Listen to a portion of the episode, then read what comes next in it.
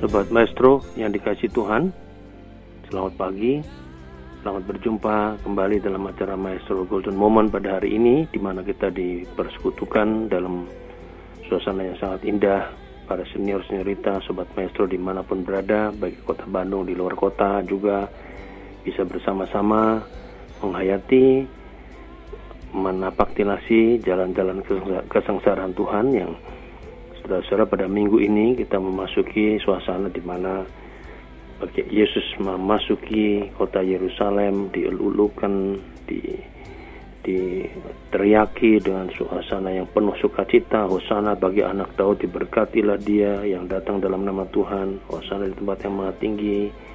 Dan tapi saudara-saudara kita melihat bahwa sebetulnya Tuhan Yesus sedang mau memasuki saat-saat yang menderita dalam kehidupannya karena dia memasuki Yerusalem berarti dia memasuki suatu keadaan di mana dia mesti menyelesaikan tugas panggilan dan misi dia di dalam dunia untuk menyelamatkan manusia sehingga dia mati disalib hari Jumat besok adalah Jumat Agung dan hari Minggu kita minggu depan kita merayakan Paskah.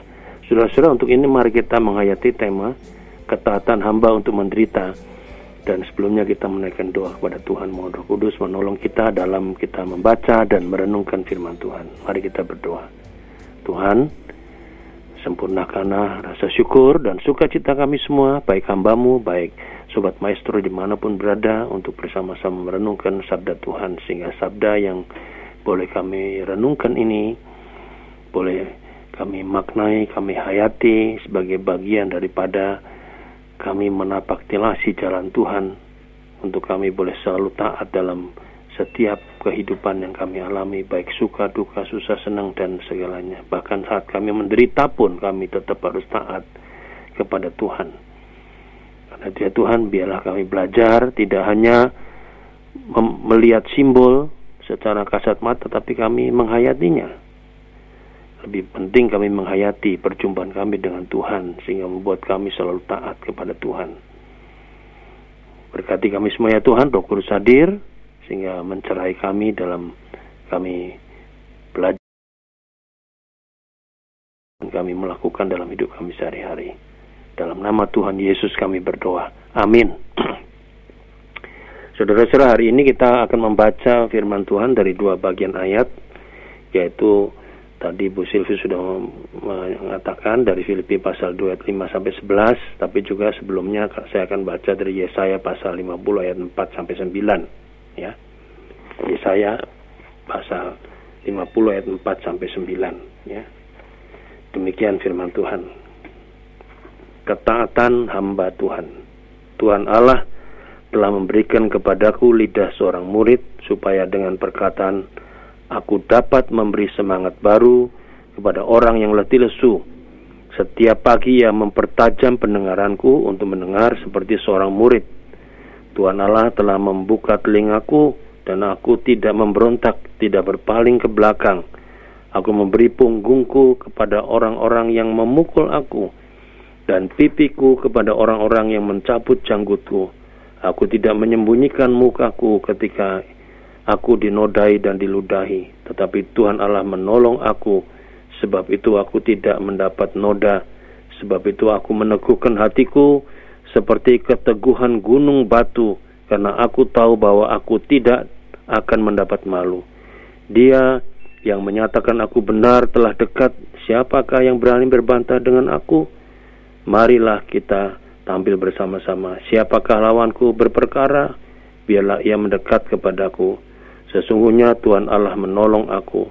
Siapakah yang berani menyatakan aku bersalah? Sesungguhnya mereka semua akan memburuk seperti pakaian yang sudah usang, ngengat akan memakan mereka. Ya, itu Yesaya pasal 50 ayat 4 sampai 9. Kemudian Filipi pasal yang kedua, saudara-saudara ayat yang ke-5 sampai 11.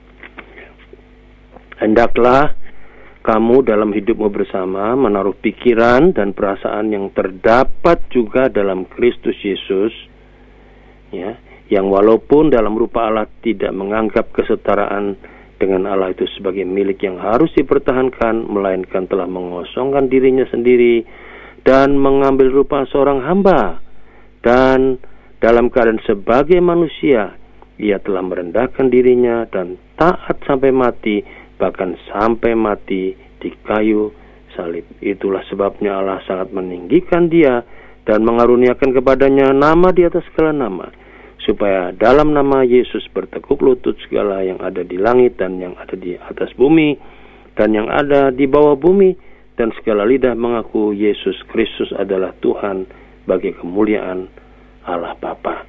Ya, saudara-saudara tema yang hari ini sangat indah.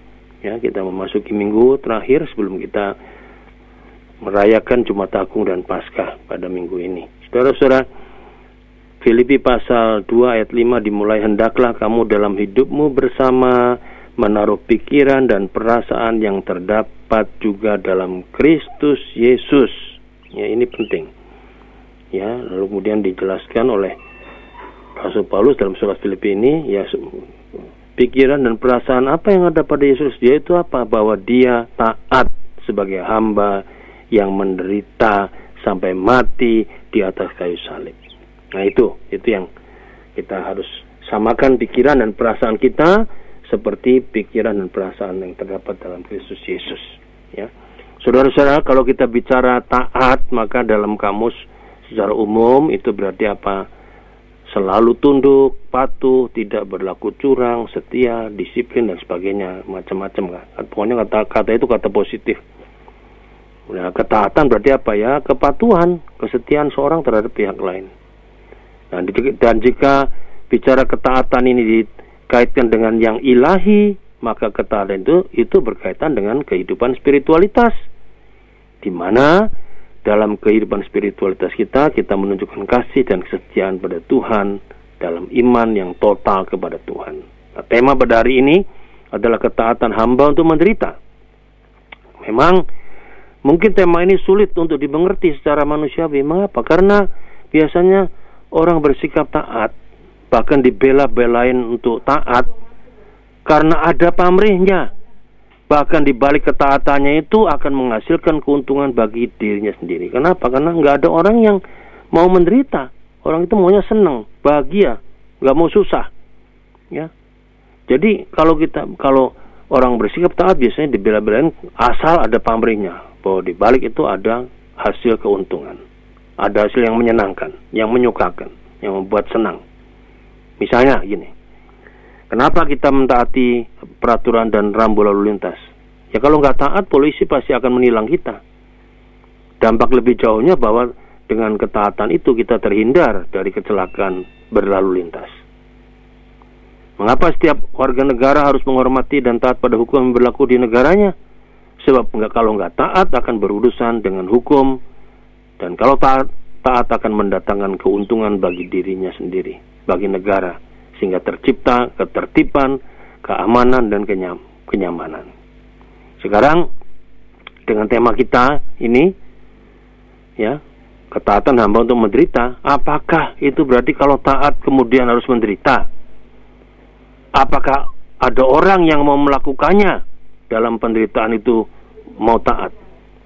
Ataukah dalam penderitaan itu kita masih harus belajar taat?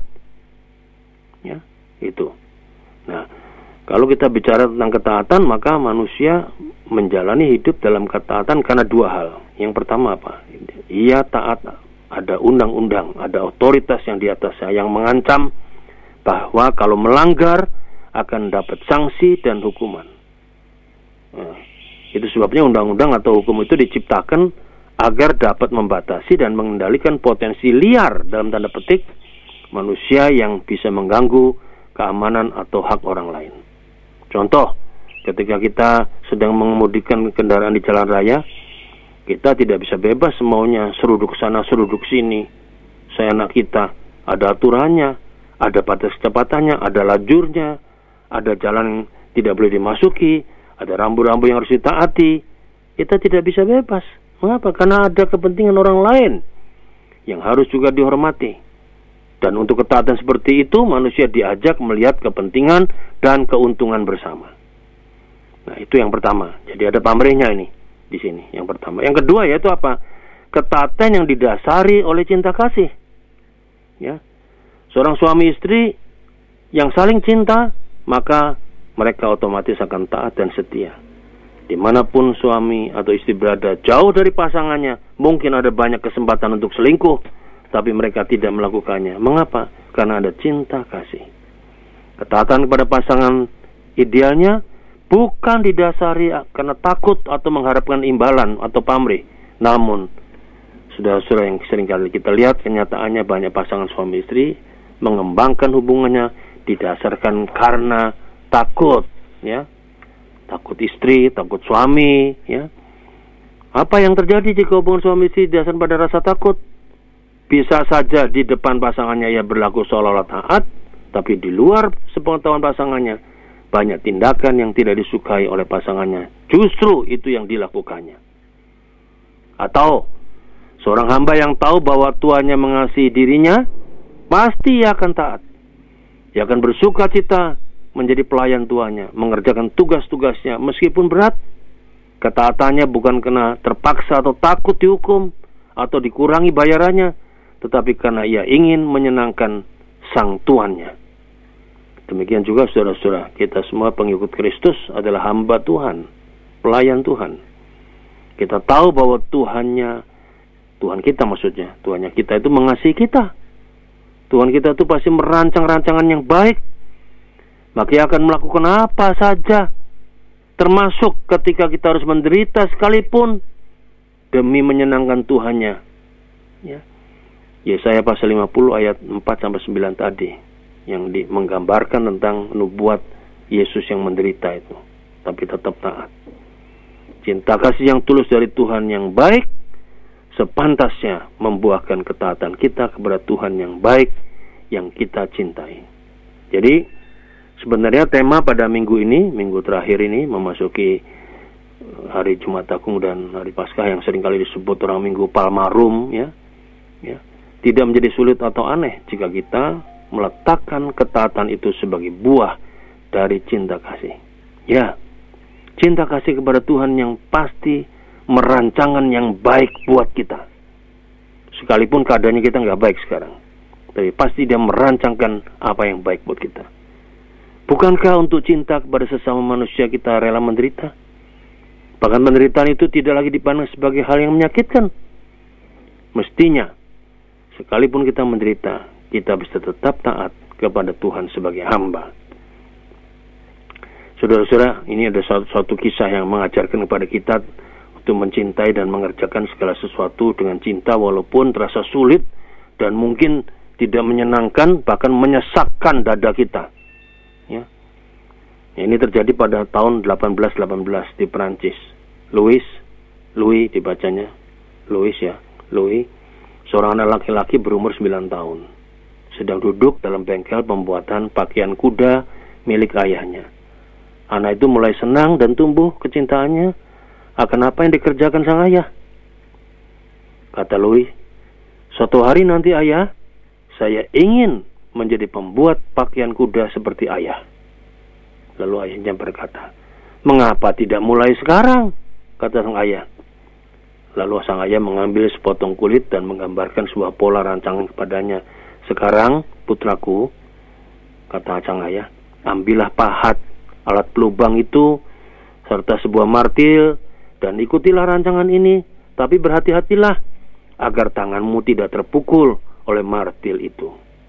Dengan senang hati, saudara serang anak, sang anak mulai bekerja. Tapi apa yang terjadi kemudian? Ya. Ketika ia memukul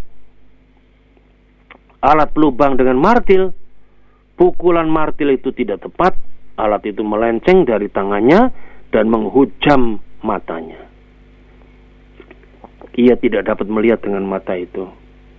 Dan kemudian hari ternyata saudara-saudara mata yang lainnya juga tidak berfungsi lagi. Dan Louis atau Louis mengalami kebutaan total. Beberapa minggu kemudian, Louis sedang duduk di taman keluarga. Ketika itu seorang temannya memberikan sebuah cemara. Ia meraba-raba buah cemara itu dengan jari-jarinya yang amat peka sebuah gagasan muncul dalam pikirannya. Ia menjadi antusias dan mulailah saat itu ia menciptakan abjad dalam bentuk titik-titik timbul pada kertas sehingga orang buta dapat merasakan dan menafsirkan apa yang ditulis. Dalam pengalaman hidupnya itu Louis, ya, dan ini adalah Louis Braille, Louis Braille, Braille ya, membuka lebar suatu dunia baru bagi orang buta. Tentu sang ayah tidak menginginkan anaknya Louis Braille mengalami kebutaan sejak usia yang sangat muda. Ia tidak merancang hal yang buruk. Ayahnya tidak pernah merancang hal yang buruk. Louis pun tidak pernah bercita-cita menjadi penemu huruf Braille.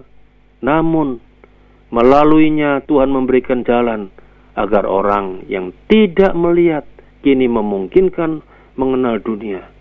Dan Louis Braille dikenang sepanjang zaman. Itu kisah nyata loh. Ini cerita ini. Ya. Ternyata di balik penderitaan dalam ketaatannya Louis Braille diberi kesempatan Tuhan untuk bisa menciptakan huruf Braille ya, untuk orang-orang buta. Saudara-saudara, Yesus mengajarkan kepada kita tentang ketaatan itu dalam Filipi pasal 2 ayat 5 sampai 11 tadi dengan sangat indah Rasul Paulus menggambarkan ketaatan Yesus kepada Bapaknya sebagai contoh teladan bagi siapa saja yang mengaku sebagai pengikut Kristus. Maka pada ayat yang kelima itu diawali dengan bunyi ya hendaklah kamu dalam hidupmu bersama menaruh pikiran dan perasaan yang terdapat juga dalam Kristus Yesus yaitu apa perasaannya? Mau tetap taat menjadi hamba walaupun harus menderita. Saudara-saudara ketaatan itu penting karena kita ini hamba. Kita ini adalah pelayan Tuhan. Kita ini bukan anak tapi hamba. Ya. Dan Paulus menyebut Yesus bukan lagi bukan hanya sebagai Yesus, melainkan lengkap dengan gelar Kristus atau Mesias artinya yang dipilih diurapi oleh Allah sendiri. Yesus memiliki rupa Allah dan setara dengan Allah. Dalam urainya Paulus menegaskan bahwa Yesus telah meninggalkan status yang sangat tinggi sebagai Allah, rupa Allah dan setara dengan Allah tadi demi ketaatannya kepada Bapaknya. Hal ini berbeda dengan apa yang dicari manusia pada umumnya. Dan orang-orang di Filipi khususnya yang dengan berbagai cara berusaha mencari posisi kedudukan yang tinggi, yang terhormat, yang nomor satu. Mungkin kita juga sekarang sedang berjuang mencari kedudukan tinggi terhormat jadi orang nomor satu yang berkuasa. Apa yang salah jika kita mengejar itu? Mungkin sepintas itu wajar, tapi ada bahaya besar yang sedang mengancam Ketika fokus kita tertuju meraih status-status itu, maka kita tidak pernah bisa memberi ruang kepada orang lain, apalagi kepada Tuhan. Kita menjadi tidak nyaman dengan kehadiran orang lain. Apalagi jika kita sukses mengerjakan apa yang selama ini menjadi mimpi-mimpi kita. Status terhormat itu ditinggalkannya oleh Tuhan Yesus. Yesus mengosongkan dirinya, ya, yang setara dengan Allah, memiliki rupa Allah, ternyata mengambil rupa seorang hamba menjadi manusia biasa, hamba yang terbatas. Bahkan ketaatannya dibuktikan dengan kesengsaraan, penderitaannya, dan kematiannya di kayu salib yang oleh semua orang itu mungkin dihindari. Tapi Yesus melakukannya dalam perjalanan ke Yerusalem itu, menuju ke tiang salib. Saudara-saudara, Tuhan Yesus membalikkan paradigma berpikir yang biasanya ada di antara masyarakat, di antara kita, ingin berkuasa dan terkemuka, jadi orang nomor satu, serta dihormati dan dilayani. Itulah kita yang kita inginkan dalam mimpi kita. Tetapi ketaatan seorang hamba yang diperagakan Yesus merupakan ketaatan total.